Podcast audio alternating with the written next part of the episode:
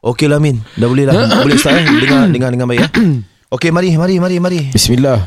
Kau time's up kita Assalamualaikum dia Dah Assalamualaikum warahmatullahi wabarakatuh. Oh. Waalaikumsalam. Eh, alamak. Sorry sorry tak boleh tak boleh tak boleh. Min. Oh ni aku lupa. Ni Arab kat sini Arab kat sini ya. tak rekod je. Ah, kau gini? Boleh. Rekod oh, je lah. kau kena rekod Amin?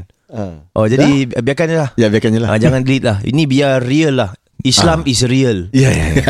Ah, Let's let's kali lah. Uh, oh ya. Assalamualaikum uh, Sorry sebab sekarang dah uh, Sound dia dah agak baik Jadi saya harus betul-betul lah bagi salam eh Ya, ya. Ya selama ni mungkin tak betul salam saya Salam hebat Betul-betul lah kau ni. Aku rasa kau nak opening dengan lagu Assalamualaikum lah okay. Okey. silakan Assalamualaikum Jap jap jap jap jap jap Apa, apa, apa, apa? Jap jap jap jap gendang eh Apa apa Mana nak begini, mana? Zah? Ah, Aduh ada belakang belakang Ada Oh, ambil. Kau nak main drum? Ambil lah dulu Sabar Bongo. Ya. Oh. Okey, okey. Kau nak tak? Kau nak aku main, aku main benda ni. Ah, aku main lah benda ni. Okey. Jap jap jap jap jap jap Kita tengah nak ambil uh, Ni lah Korang ni Ustaz Nuzan tunggu dah lama Tak apa ni. boleh, boleh. tak apa, tak apa. Okay Kami akan uh, tujukan lagu ni kepada semualah pendengar-pendengar yang pertama Ya. yang mendengar uh, rancangan NJU ini. Kau dah ambil Ya, apa benda tu? Apa benda ni?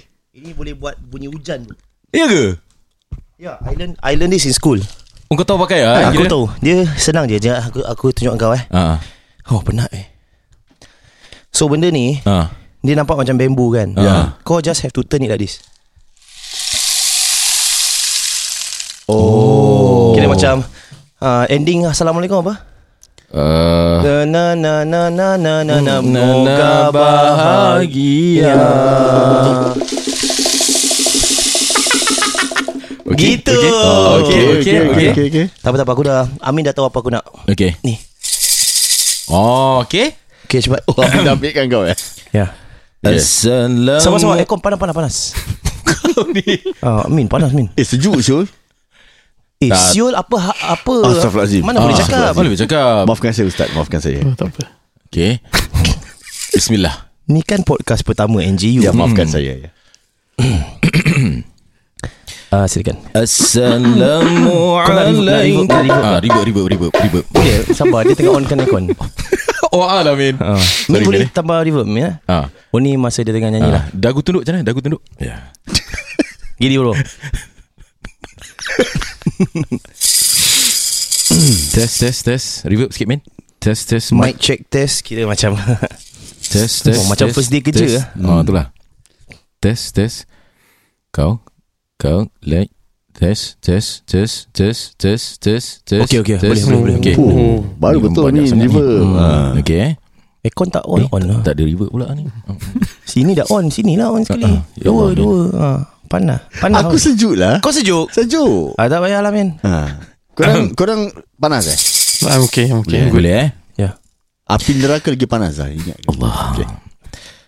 Assalamualaikum Salam sejahtera Kepada anda semua. Moga bahagia. Assalamualaikum Salam sejahtera Kepada anda semua. Moga bahagia.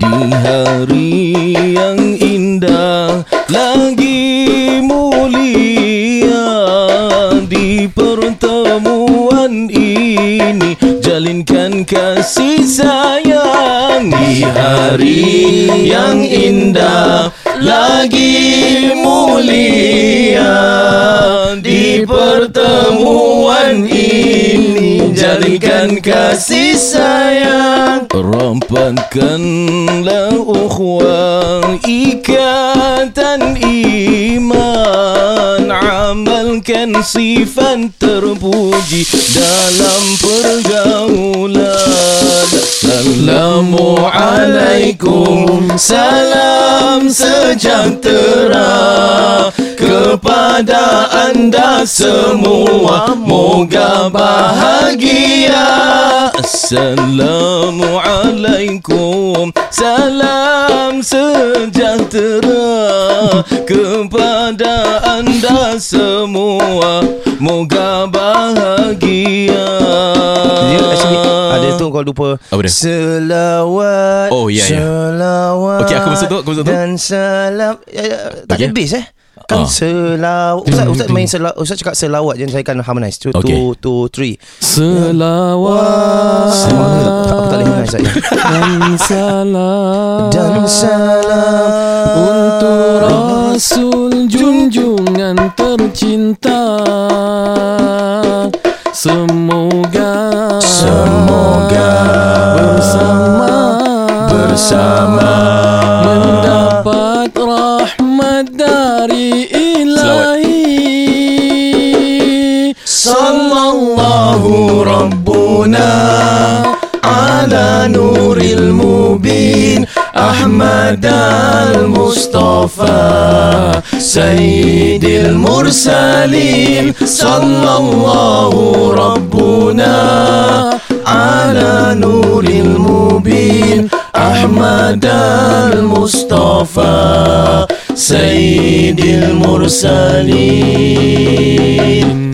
وعلى آله وصحبه أجمعين. Assalamualaikum Salam sejahtera Kepada anda semua. Moga bahagia. Di hari lah. Oh, lagi. Padahal dah, dah, dah, dah, dah, dah, dah, dah, dah. Ni kena praktis betul eh sebab, Ah. sebab nanti masa NGU live ni kita nak buat betul-betul Oh. Oh, InsyaAllah. insyaAllah. NGU live coming, eh? Ah, NGU live kami ni Masya Allah FYI Ustaz lah. tak, tak tengok kita buat live Ustaz Tengok eh, Tengok eh Ah, Apa pendapat Ustaz eh tadi? Okey lah Ustaz eh? Okey lah Jadi dia ini kita kita acah-acah je. Hmm, kita kita main kat tempat tu. Ya. Kita nak tunjuk kita ada banyak stage. Ya.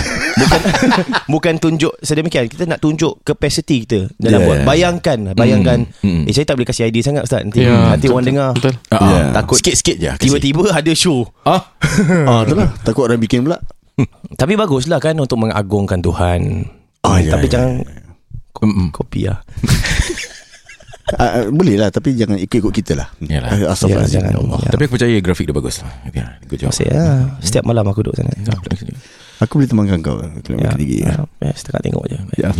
Kan satu soalan ni Ustaz. Ya, Ah, um, terima kasih. Ini adalah episod pertama NJU Ya. di channel yang baru. Ya. Di saluran oh, boleh cakap kita ada saluran ha? Boleh lah.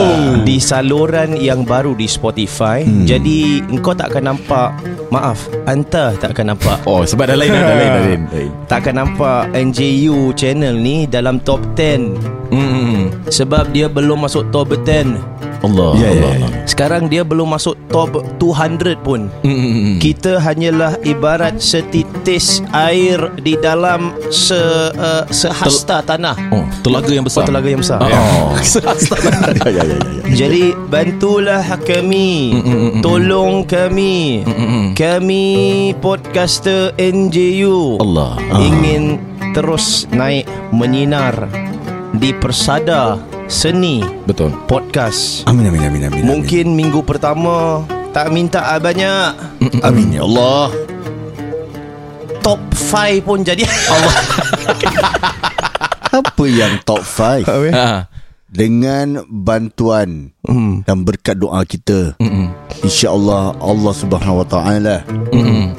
betul lah ustaz saya tadi Subhanahu wa taala Betul Mm-mm. akan tolak kita ke nombor 2 InsyaAllah. tak boleh nombor satu lah. Okay, let's go nombor satu lah. Ah, ah, eh, nombor 2 NGU lah. Kalau boleh biar biar NGU saja yang boleh nombor satu. oh ya ya ya. NG sajalah nombor Ya, satu. ya. Jadi, okay let's go. Second pun tak apa. Tak apa ya. ya ya. Jadi sebab itulah kaum muslimin muslimat yang kami muliakan sama-samalah kita berkongsi ya.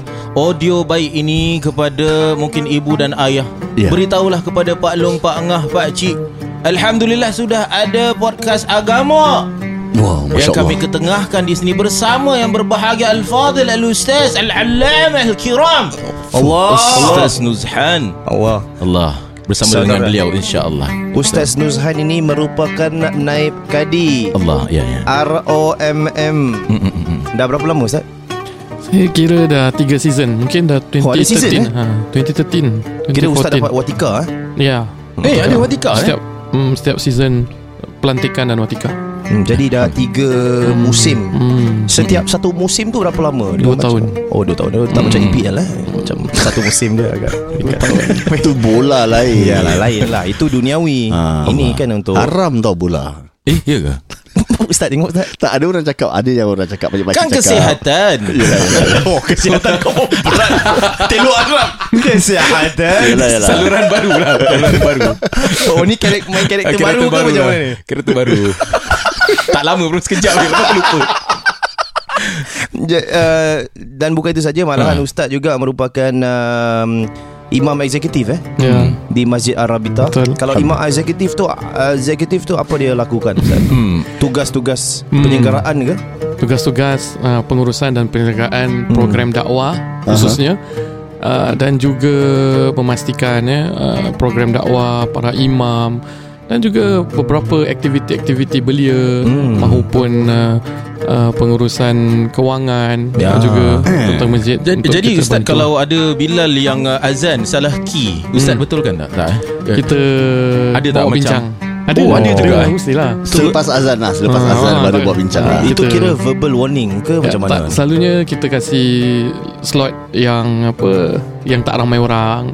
Oh Kan, itu cara-cara dia Ha, cara dia lah Berhalusi Pasal semua orang ada minat dia Hmm. Kan ada dia punya kecenderungan Kadang-kadang dah berapa puluh tahun Dia di situ Kalau Hmm. kita tiba-tiba Tukar dan tegur Hmm uh, Mungkin terguris eh? Ya, Kalau juga, semata-mata kerana key Kalau memang ada huruf-huruf dia tak betul ke apa Mungkin kita boleh tegur Saya teringat Satu kisah Sayyidina Al-Hasan dan Hussein eh? Hmm. radhiyallahu anhuma bila mana dia melihat seorang yang senior Hmm. tengah ambil wuduk dengan cara yang salah. Oh Jadi dia nak tegur tau. Hmm, hmm, Pakcik ni ambil wuduk salah dan mengakibatkan nanti sembahyang yang tidak sempurna kan. Betul. Ya. Jadi dia kata wahai orang tua tolong adili kami. Please be a judge. Dia cakap ambil wuduk macam gini. Hmm Aku setahu aku aku belajar daripada Rasulullah ambil wuduk macam ni. Macam mana ambil wuduk yang Maaf Ustaz, saya sebetul-betulnya? nak mencelah saya Silakan, silakan. bila dia cakap wahai orang tua. Hmm. Kita boleh cakap macam tu ke? macam contohnya dengan berhemah contohnya Ah, dia pasal saya direct translation Kalau dalam bahasa Arab Ya Syekh oh, ya, Syekh. Syekh orang tua. Ah, Syekh orang Kalau tua. AB Syekh Uh, orang tua adalah satu benda yang positif tau untuk masyarakat Arab. Oh Pasal pasal masyarakat Arab bila ada orang tua orang tua bermakna amal Ya. dia lebih banyak, ilmu dia lebih banyak. Ah. Uh, ke, apa orang kata kewibawaan dia lebih tinggi. Kalau Ah. AB Sheikh tu AB tua lah Udahlah Ilmu dia banyak Ilmu dia banyak Dia lebih berpengetahuan lah Yalah Hmm. Kira Oh, tua jadi- bukan dari segi usia, dari segi pengalaman. Konotasi Syekh tu Ah. Bermaksud Yang terhormat lah ya. Hmm. I yang see. lebih mahir daripada satu-satu sudut yang lebih berpengalaman daripada sudut ilmu daripada sudut amal. Ah, itu syekh Teruskan Ustaz tadi. Jadi wahai orang tua. Hmm. okey jadi Mungkin wahai konteks tu tak sesuai Untuk untuk Ah. masyarakat kita Ah. masyarakat kita Yalah, dulu ada orang panggil pak tua. Tapi tengok dalam keadaan- Dadidu dulu? Dalam keadaan Pak tua, terhormat. Pak tua kita Zaman nak cerita Dadidu dulu-dulu kan. Ah. Pak tua kita nak belajar silat pak tua lah kan. Orang Ah. panggil pak tua lah. Sekarang Ah. Dia sudah macam lah. peng- macam apa tok ketua, Hmm. pengetua. Ya, ya, ya, ya. Kan ada tua dia kat Ah. depan. Hmm. Ya, ya. Hmm. Kira panggil pakcik sudah lah Ah, boleh. Dalam konteks sekarang Konteks ni ni lah ah, Ah. kita panggil pak cik lah eh. Ah, Itu ya. betul salah. Jadi adili kita siapakah wuduk yang lebih sempurna, yang lebih tepat dan benar. Hmm. Jadi orang tu namanya sahaja sudah orang yang dah berpengalaman kan orang tua Hmm, dia kata hmm. aku faham niat dan maksud anda berdua sebenarnya Eh. anda berdua nak tegur aku kerana ah, wuduk aku yang tak sempurna tapi anda tak berani nak cakap dan takut mengguris kan ah. jadi aku terima nasihat kamu dengan baik dan aku akan perbetulkan. Jadi saya kira ini hikmah lah dalam membuat teguran. Mm-mm. Lebih-lebih lagi kalau kita bertugas di masjid ataupun kita ingin menegur sesuatu yang boleh apa menjauhkan mereka ataupun merasakan diri kita benar. Kadang-kadang kita tegur orang kita rasa diri kita betul sangat, terror Hmm, sangat betul lah. kan.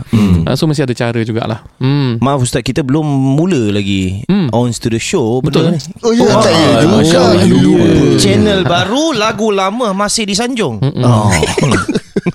Sebab sesuai lah sangat kan Yalah, of Ah. Silakan Ustaz dengan uh, Kata-kata keramat Mm-mm. Dan angker ini Tak ada lah Tak ada Okay. Now it's on to the show. Grammar Oh, dah lain ya.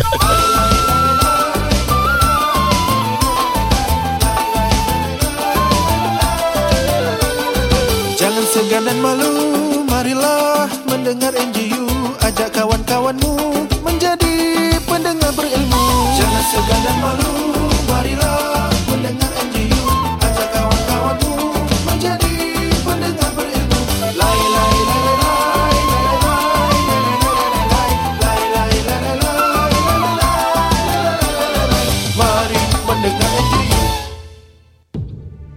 Selamat kembali dalam rancangan NJU Non-judgmental apa-apalah Nah. Nak fikir non-judgmental ustaz ke Non-judgmental ustazah ke Mm-mm. Non-judgmental ummah sekalipun Ya. Wow. Non-judgmental usahawan Usahawan pun Ya, boleh, boleh, ya, boleh, boleh. ya.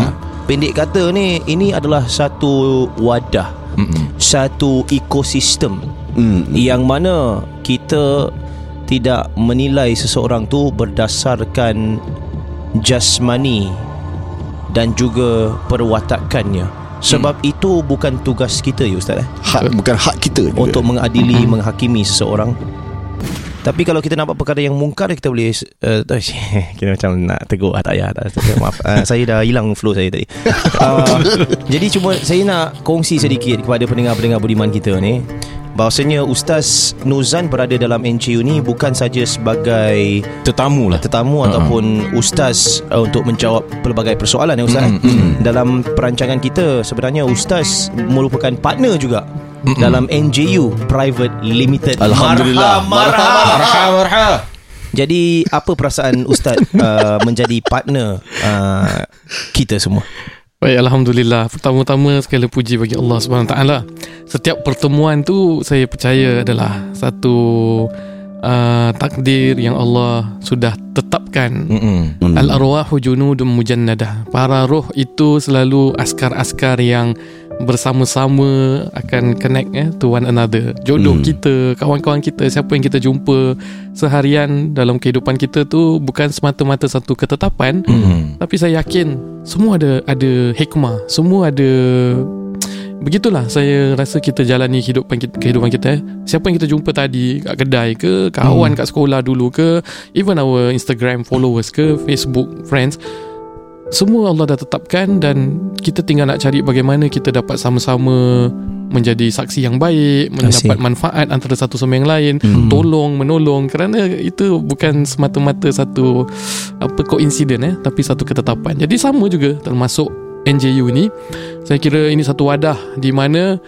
masyarakat Melayu Islam khususnya dan kawan-kawan di luar yang selalu dengar podcast ya bersama-sama dapat bukan hanya mengimbangi hiburan tapi dapat satu ruang untuk mereka mempelajari walaupun bukan cara yang terbaik eh cara terbaik tu mestilah berguru belajar Hmm. berkitab tapi Masuk sekurang-kurangnya Al-Azhar ke ah, kan? Hmm. menjentik hati untuk mengetahui tentang agama Yeah. mengetahui tentang jati diri, ada hala tuju, ada kebersamaan dan ekosistem tu kan. Hmm. Ada sesuatu yang kita boleh sandarkan bila kita nak beribadah bersama, kalau kita ada program sama-sama, ada soal jawab. Dia ada satu keluarga besar yang mana nanti Wallahu alam 5 tahun akan datang ke 10 tahun ke ataupun di akhirat pun kita tengok balik dan kita lihat Masya Allah eh pertemuan ni ada kebaikannya untuk diri kita. Masya Saya Allah. nak tanya Ustaz Ustaz suka lagu ni kan Saya dah perhatikan Daripada beberapa Lagu episod lepas? Lagu ni ni ni Lagu ni Oh, music lagu, ni. Oh. Sebab aku noti Bila aku tekan lagu ni Ustaz berbual panjang weh Ini nak Ya, ya. habis ni Mual Aku dah nak habiskan show Dia dah vibing to Dia the dah song. vibing Ah. Lah, okey lah. Ah, Aku suspect eh. ni Mesti Ustaz Nuzan suka lagu ni Aku Tapi on. memang perlulah Ya, Ustaz maaf, Nuzan bukan. Saya bukan dia kan. Saya suka dengar Apa Ya. hukum vibing Ustaz? Dan bukan itu saja Malahan kita, kita sebenarnya Pada episod pertama ni Kita nak jawab beberapa soalan Tapi nak berikan Pendengar kita An idea lah Ya. um, Apa perancangan kami da- Dalam NJU ni Ya.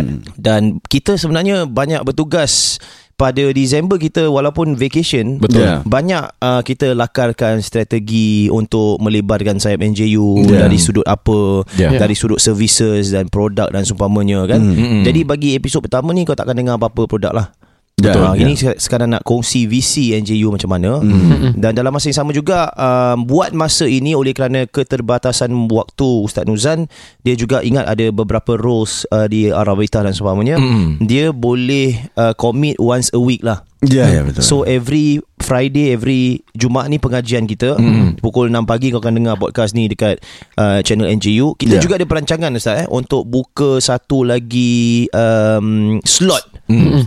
Pada setiap hari apa Mungkin kau nak ceritakan sikit Uh, InsyaAllah kita akan buka uh, saluran yang seterusnya ini khusus untuk para wanita uh, untuk hmm. dapatkan manfaat lah yang mana kita akan ketengahkan ustazah pula.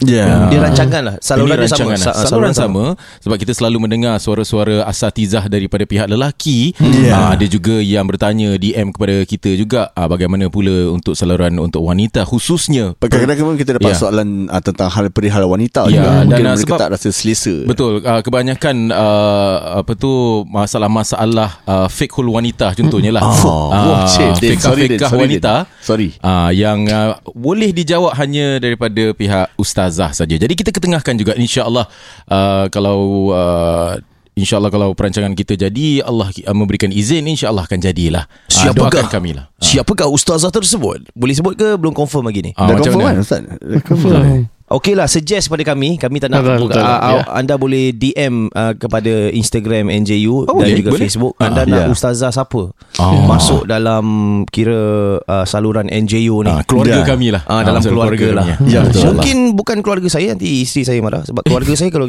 keluarga aku bukan keluarga kau Din. Oh keluarga ya. kau Abia semua. Oh, Oh ya ya Ah, betul betul betul. keluarga aku uh, Jibril semua lari-lari ah, Itu keluarga aku Ah, ah, betul juga. Sa- Masuk saluran Ah betul. Okay. Buka Ya. rancangan yang baru Mm. Dengan host yang juga wanita Ustaz eh? Ya, ya. Ah, Jadi DM saja kami Ya. Suggest kepada kami Siapa nak sebagai host Ya, ya, ya. Siapa nak sebagai ustazah Sebab tak kena lah Kalau berada dalam studio Seorang ustazah Dengan saya contohnya Sebagai Hmm, host Tak kena Bukan Tak kena. mahram, Ah, bukan mungkin, mahram. ah, Takut menjadi fitnah Ya, ya. Ah, Betul contohnya. Hingga ke sound engineer pun Kita pakai wanita Amin dah tak boleh dah duduk sini Ah, ya, ya, Kita ya. panggil Aminah Kira Aminah Aminah Kuzai pun tak duduk sini. Hati-hati dengan Aminah eh. Kenapa? Mungkin akan dikawinkan dengan Amin. Oh Senyum Yang masih mencari ya. Yang sebelah ni Hmm, Ah, Alex tak, tak boleh Alex tak boleh dah. Oh, no. Alexandria. Oh ya.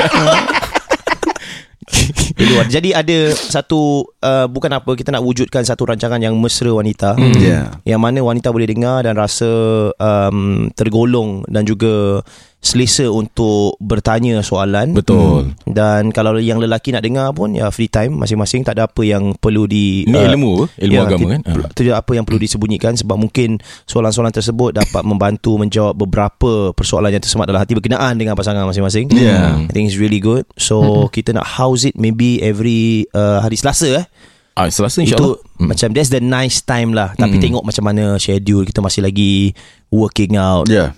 Uh, host punya schedule dan juga ustazah mana calon-calon dia kita masih lagi mencari tapi kita akan wujudkan ini dengan secepat mungkin InsyaAllah dalam beberapa minggu akan datang nanti nantikan pengumuman besar daripada pihak NJU Mm-mm. dan bukan itu saja malahan uh, kita akan mulakan dengan beberapa produk-produk kecil juga pada Isnin ini ni Mm. Isnin pula pada uh, Januari ini Ya, betul. kita nak just have, have a sense apa keperluan Mm-mm. pendengar-pendengar kita sebab Yeah. pastinya ram, banyak keperluan contohnya ada yang mungkin uh, perlukan khidmat khairat kematian ke Mm. perlukan khidmat uh, nak membersihkan uh, tempat-tempat seumpamanya Ya. yeah. sertu dan apa kan cukur Cukur jambul ke. apa lagi ustaz apa antara servis yang mungkin um, masyarakat dambakan Hmm, saya punya pemerhatian eh kalau masyarakat Islam kita alhamdulillah mereka beri kepercayaan kepada para asatizah untuk menjalankan amanah-amanah ni. Uh, satunya selalunya kalau tengah musim korban. Uh, itu satunya ibadah korban. Mm-mm. Kedua Boleh kita sebut sebenarnya dah ada kita dah standby dah. Ah. Boleh kita umumkan. Boleh lah, cakap lah. I think Kita- ibadah korban is something yang concrete. Hmm. Ya. Baik, Hmm. kita sebenarnya pada tahun ni kita akan laksanakan khas untuk pendengar-pendengar kita dan juga kita sekali lah. Ya, kita ya. pun dah alang-alang buat Mm-mm. dalam hal ni. Correct. Kita pun akan um, Buat korban sekali buat lah. korban sekali Ya, ya, dengan insyaAllah. NJU. Jadi just keep us in mind bukan apa kita sebutkan kini. Jadi bila masanya Mm-mm. bakal tiba, Mhm. kita akan buka uh, regi- registration pendaftaran dan sebagainya dan bolehlah dilakukan bersama-sama dengan kami. Jadi senanglah satu kali lah. Kita dengan pendengar-pendengar semua kita Mm. buat korban sama-sama Hmm, ya. uh, dan kita berikan proof of picture sebab musim ni masih lagi uh, tak boleh travel kan Hmm. dan masih lagi um, covid dalam keadaan covid Oh. jadi kita sudah pun berurusan dan juga berinteraksi dan uh, sign beberapa memorandum bersama dengan teman-teman di luar negara yang sudah bersedia untuk melaksanakan ibadah kurban untuk Ya, kami betul. jadi hanya perlu pendaftaran dan seumpamanya. Jadi just keep us in mind. We'll tell you the prices. Kita akan beritahu berapakah Hmm. uh, jumlahnya dan seumpamanya dan um, you be with us. InsyaAllah. Stand by. InsyaAllah. Ya, Ini kalau InsyaAllah. dah boleh buka Kita dah boleh buat ha, umrah dengan haji sekali Ya, lah. pun insyaAllah. Ah, dia InsyaAllah dah standby dah. Dah Dah standby standby juga juga. lah. InsyaAllah. lain. eh. InsyaAllah. Uh, in fact ada yang DM DM uh, dalam Instagram eh tanya Hmm. bila sebab dia nak register nak Hmm. datang bersama-sama. Bagus, bagus. Masya Allah. Saya rasa tu bagus kerana niat orang yang beriman tu diberikan pahala. Hmm, hmm, Oh, hmm. niat So, saja, Niat, eh? Kita niat kita nak buat sesuatu kebaikan. Hmm. Uh, dan apabila ada niat tu sebenarnya menggantungkan dan mengikat kita dengan Allah. Ya, Bila ya, kita ya. ada niat yang baik kan. Seolah-olah kita macam uh, bukan hanya diberi pahala semata-mata Hmm, tapi ya. kita dah ada harapan, dah ada azam, dah ada cita-cita. Bermakna kita secara tak langsung mengaitkan diri kita dengan Allah Subhanahu Wa Taala.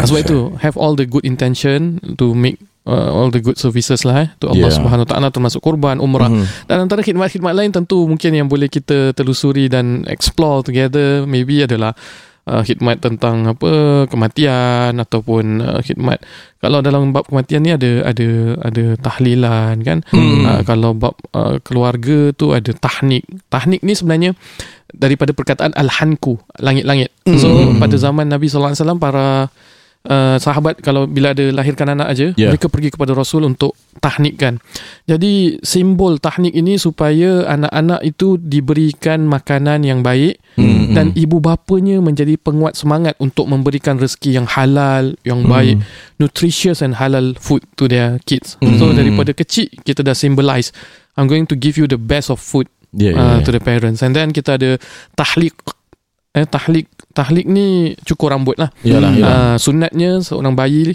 kalau sudah lahir tu dicukur rambutnya Hmm. dan ditimbang dengan timbangan perak ataupun zaman sekarang mungkin timbangan emas lebih berbaloi untuk diberi kepada fakir miskin Hmm. Ya. ditahnik so itu can be part of the service eh uh, tahnik tahlik uh, lepas tu uh, majlis-majlis yang ada lah I think insyaallah we will be announcing our product and our services insyaallah InsyaAllah keep us in your doa and let's do this together lah insyaallah amin hmm. Baik, kita ada masa untuk soalan. Boleh? Ya. Ha, dah 26 minit baru tanya satu soalan. Tak apa Kita lah. tanya siapa lah boleh eh? Yang Masa simple ada. simple lah Simple satu eh. Ha. Baik, uh, dalam episod yang pertama ini soalan yang pertama kepada yang berbahagia Ustaz Nuzhan berbunyi begini. Salam NJU Zardin dan Razi. Waalaikumsalam. Waalaikumsalam warahmatullahi. Waalaikumsalam. Orang kata kalau dah kahwin suami tanggung dosa-dosa isteri. hmm. Habis Oh dia ada habis dia Ustaz. Oh, dia. Habis kira isteri tak ada dosa? Or is there any dosa they take? Or semua suami ambil? Hmm. Macam mana ni Ustaz? Hmm. Apa hadis? Ya. Kenapa tak benda- Hmm. Habis ah, Okay Abeh. Habis tu orang Kelantan eh Panggil Yeah. lapang habis eh Ya. ah, Okay Demoloni. uh, demoloni tak sempat buka. Gila Abel kahwin dengan isteri Isteri ada dosa Hmm. Abel ambil Allah. Habis isteri tak ambil dosa Hmm. ha, Gitu dia tanya Tanya demonologi. Ui, Teknologi Teknologi bahasa ni Aku kan macam bahasa Kira Ustaz faham jok dia Ustaz faham Demonologi Ustaz Rizal memang faham jok aku bro. Ya. Faham, faham, faham. Silakan.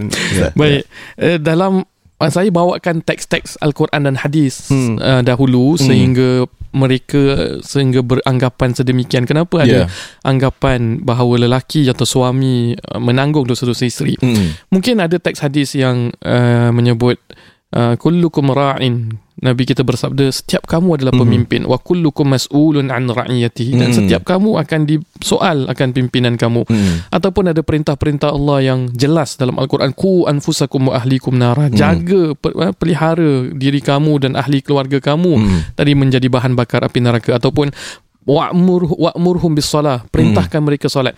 Jadi daripada teks-teks ni dia adalah satu perintah wajib, perintah wajib, perintah wajib. Hmm. Dan dalam satu kisah Sayyidina Umar bin Khattab radhiyallahu anhu pernah marah kepada seorang ayah Hmm. kepada anak. Bapak dia bawa anak dia Hmm. nak pergi kaunseling dengan Sayyidina Umar. Ya.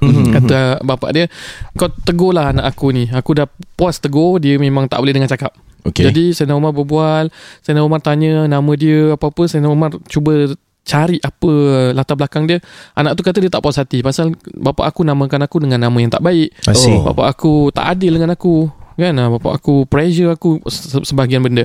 Jadi Sayyidina Umar marah bapak tersebut Dan katakan bahawa Anak kamu ada hak terhadap, terhadap diri kamu. Hmm. jadi mungkin dengan perkara-perkara ini orang ingatkan uh, bahawa seorang suami itu menanggung dosa-dosa isteri. Ah tu antara sebab-sebab. Oh. Sedangkan ada teks-teks ayat yang lain seperti la taziru waziratun wizra ukhra. Seseorang tidak menanggung dosa orang yang lain. Oh. Ah kan? Jadi mac- macam mana kita nak nak nak fahamkan Hmm. uh, perkara yang selalu menjadi salah faham ni. Saya kira secara ringkas very simple suami bertanggungjawab mendidik ahli keluarga Hmm. dari sudut agama, dari sudut kewajipan. Apabila tanggungjawab itu telah dilaksanakan dengan baik Ya. dan masih lagi tidak dilakukan oleh anak dan isterinya, Ya. maka dia tidak menanggung dosa tersebut. Hmm. Yang menjadi tanggungan kalau dia tidak melaksanakan tanggungjawab dia sebagai suami untuk mendidik fardu ain ke Hmm. perkara-perkara yang wajib. Kemudian isteri ataupun anak-anak dia melakukan sesuatu dosa. Jadi ulama bincang dua.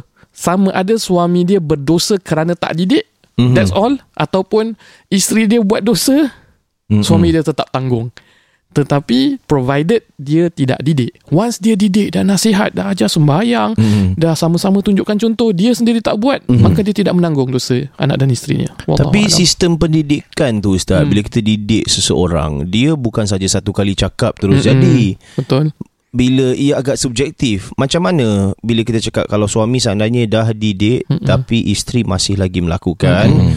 Bermaksud tanggungan dosa tu datang kepada isteri Hmm. Tapi macam mana Adakah satu kali cakap Bagi Mm-mm. saya I mean se- Mm-mm. Sebagai seorang bekas guru Satu kali cakap tu bukan didikan Ustaz Mm-mm. dia kalau seminggu sekali atau setiap kali buat kesalahan Habis ada tarbiyah Ada follow up dia Hmm. Ada kasih sayang dia Ada dia punya Itu bagi saya adalah Pendidikan yang menyeluruh Mm-mm. It's an ongoing education Mm-mm. thing dan juga dalam konteks masa kini Nak cakap pasal pendidikan Adakah mungkin suami orang yang terbaik Untuk mendidik isteri Sebab kita ada Google Hmm. Kita ada kelas-kelas dan seumpamanya Hmm. Adakah contoh Kita sign up Sebagai suami kita sign up Untuk pergi ke kos Ataupun bengkel uh, Untuk belajar sesuatu tentang Islam Adakah itu juga boleh tergolong Dalam satu proses pendidikan Hmm. Atau haruskah kita Be the arbiter of the religion and we are the one who kena educate. Itu I think it's a bit, you know. Ya, i- itu satu. Satu lagi kalau sekiranya isteri pula yang mempunyai ilmu yang lebih daripada Exactly. suami. Yeah. Contohnya uh, Mualaf uh, mualaf ataupun suami tu dapatlah ber- berjodohkan seorang ustazah, Ustazah, contohnya. ya. Uh, yang lebih banyak ilmu. Jadi Mm. adakah tanggungjawab itu diberikan kepada isteri untuk mendidik keluarga ataupun Mm. masih lagi suami bertanggungjawab untuk menjaga? Ya, Sebab ada businessman dia kahwin dengan doktor. Contoh, Hmm, ya. doktor ni wanita mungkin dia seorang asatiza yang cemerlang Hmm. dalam UIA. Ah, contohlah ya. That, that's why exactly when we mention la taziru waziratun wizra ukhra seseorang tidak akan menanggung dosa atau bebanan orang lain Mm, eh mm, secara umum itu Yeah. adalah kaedah dia. Hmm. tapi sebagai ibu bapa baik maupun suami kepada isteri eh uh, kita melihat terlepasnya dosa ataupun tanggungjawab ataupun lebih kepada yang kita kata tentang hukum itu memang sebatas menyampaikan sehingga mereka tahu dan faham Okay. tetapi kita bukan berbincang mengenai hukum semata-mata kan. Mhm. Mm-hmm. Kalau dari segi hukum tadi soalan cakap pasal hukum. Okey dah dah sampaikan ni sembahyang wajib. Dah dah terlepas. Ah. Tetapi Okey. kita bincang tentang tarbiyah dan education uh, yang berkesan Hmm. adalah satu benda yang kita nak membuat kebaikan dan it could be dah ber, dah bercakap dah tunjukkan tapi lima tahun akan datang dia kena revisit dan tengok bagaimana cara yang lebih baik kan pada masa tu Ya, ya. Uh, jadi itu adalah education yang berkesan Mm-mm. tapi kalau hukum terlepas hukum kewajipan seseorang itu Dia dah lepas lah kira. uh, dah sebatas menyampaikan itu daripada segi dosa dia Hmm. tapi dari segi sebagai seorang pemimpin untuk berfungsi sebagai pemimpin yang baik Hmm. sebagai pemimpin yang benar-benar melakukan tanggungjawab Mhm. sebagai ketua dan Mhm. suami itu perlu apa yang kita sebutkan comprehensive continuous education tak putus asa Mhm. dan bukan hanya mendidik ajar semayang ajar ngaji semata-mata Ya, dalam konteks keluarga adalah sokong mereka apabila mereka gagal Ya. berikan Mhm. kemaafan bila mereka buat salah Mhm. itu saya kira jauh lebih utama eh, dalam sifat kepimpinan seorang suami ataupun ayah I see. Uh, dan balik pada Din punya uh, pemerhatian pula Hmm. mengenai uh, para ibu ataupun isteri yang mungkin lebih faham kalau mualaf. Saya Hmm. kira dia, bu- dia dia dia bukan kita cerita tentang hukum. Kalau cerita tentang hukum memang tak bertanggungjawab tapi the whole ecosystem of the in-laws of Muslims even. Hmm. Ya. Kita sebagai orang yang Islam Ya, sehingga kenapa ada satu bahagian zakat kepada para mualaf yang mereka lembut hatinya kerana ini menunjukkan kita semua perlu sokong dia bukan hanya isteri dia kalau orang yang memang tak Hmm. tahulah kalau Hmm. mualaf Hmm. uh, tapi kalau balik kepada secara mutlak eh apa Hmm. yang saya punya pandangan kalau kita tidak mempunyai uh, skill ataupun Ilmu ilmu, yang mendalam lah. mendalam Ya. Ya. kita usahakan sama uh, sampai ada ulama-ulama dia cakap kalau kita tak tahu bab uzur bab apa-apa kita tak boleh ajar bermakna kita perlu usahakan untuk Belajar, keluarga eh? kita belajar bab Mhm. tu itu pun sebagai satu tanggungjawab Dia senang cakap uh, Pakcik tu pun ada yang salah jugalah eh. Hmm. Hmm? Pasal maksudnya anak, anak dia dah kahwin uh-huh. cakap, ah, Sekarang dosa dah bukan aku tanggung eh Dosa Hmm. suami kau tanggung Itulah saya nak tanya juga Hmm. Sebab Ustaz macam masa nak Hmm. kahwinkan orang Hmm. Ada tak letakkan uh, case study ataupun sampel macam gini dalam khutbah nikah Sebab maaf cakap lah saya bukan apa Tapi seringkali naratif ini Mm-mm. datangnya daripada mereka yang lebih berusia Hmm. Dah kahwinkan anak Dia akan cakap sedemikian Ha ni bukan apa Hmm. Bapak dah tak lagi jadi um, Ketua keluarga dalam keluarga ni Hmm. Sebab you Sakinah You dah dengan suami Hmm. Jadi apa you buat dosa tanggung Suami yang akan tanggung Hmm. Oh. Dia akan Ya, This betul, narrative betul, has betul. lived on betul betul And no one has said anything Hmm. Ya. Macam mana Ka- Ustaz? kalau Ya. memang kalau memang suami dia tak didik, tak ajar, tak apa, mungkin sebahagiannya dia tanggung lebih daripada sudut dia tidak mendidik ajar lah. Ya, Tapi ya. naratif ini perlu diperbetulkan. Hmm. Selalu apa yang bila dalam majlis kalau ada bapak dia kata macam tu saya akan counter. Hmm. Tapi Pernah? saya pernah. Saya Hmm. punya counter simple lah. Saya akan cakap sesuatu, saya akan kata ah betul tu tuan haji. Tapi tukar tangan beza dengan lepas tangan. Oh. Lepas tangan kita terus lepas. Kita Hmm. tukar tangan kita berikan tanggungjawab dan juga kepimpinan kepada suaminya Hmm. tapi kita hanya tukar tangan. Co-pilot kita masih bersama-sama untuk membimbing anak dan keluarga ni bersama kerana Hmm. uh, apa the role of a father, a grandfather kan, a Hmm. father-in-law towards a family masih per, diperlukan eh, Pastilah. sebagai rujukan. Yalah. Uh, jadi naratif tu dia macam 50-50 kan. Dia ada Hmm. betul dia, ada tak betul dia. Tapi Ya. yang selalu saya sebutkan lepas tangan bukan eh tukar tangan bukan lepas tangan kepada para ayah-ayah. Kalau angkat tangan eh, tak ada. Surrender. Baik, uh, terima kasih kami ucapkan kepada Ustaz Nuzan atas Yeah. yeah. pasal kongkasan kondil. Tak ada aku nak masuk macam Kalau tukar tayar aku Masuk lah Tak aku nak masuk tu yang tangan macam Okey lah Oh, Dia ya, ya. tak Tapi kau, tapi masuk. kau ketawa sendiri Aku tak ada, aku- share the joke man Sekali aku tangan lain lagi. Baik, terima Baik, kasih silakan. uh, Dan kita jumpa lagi di lain kesempatan Ya, ya. Uh, Dalam rancangan NJU ini Hmm. Daripada kami di NJU Private Limited Kita nak Ya. cakap Oh, ah. Ya, Wabillahi penting, taufiq wal hidayah Assalamualaikum warahmatullahi wabarakatuh.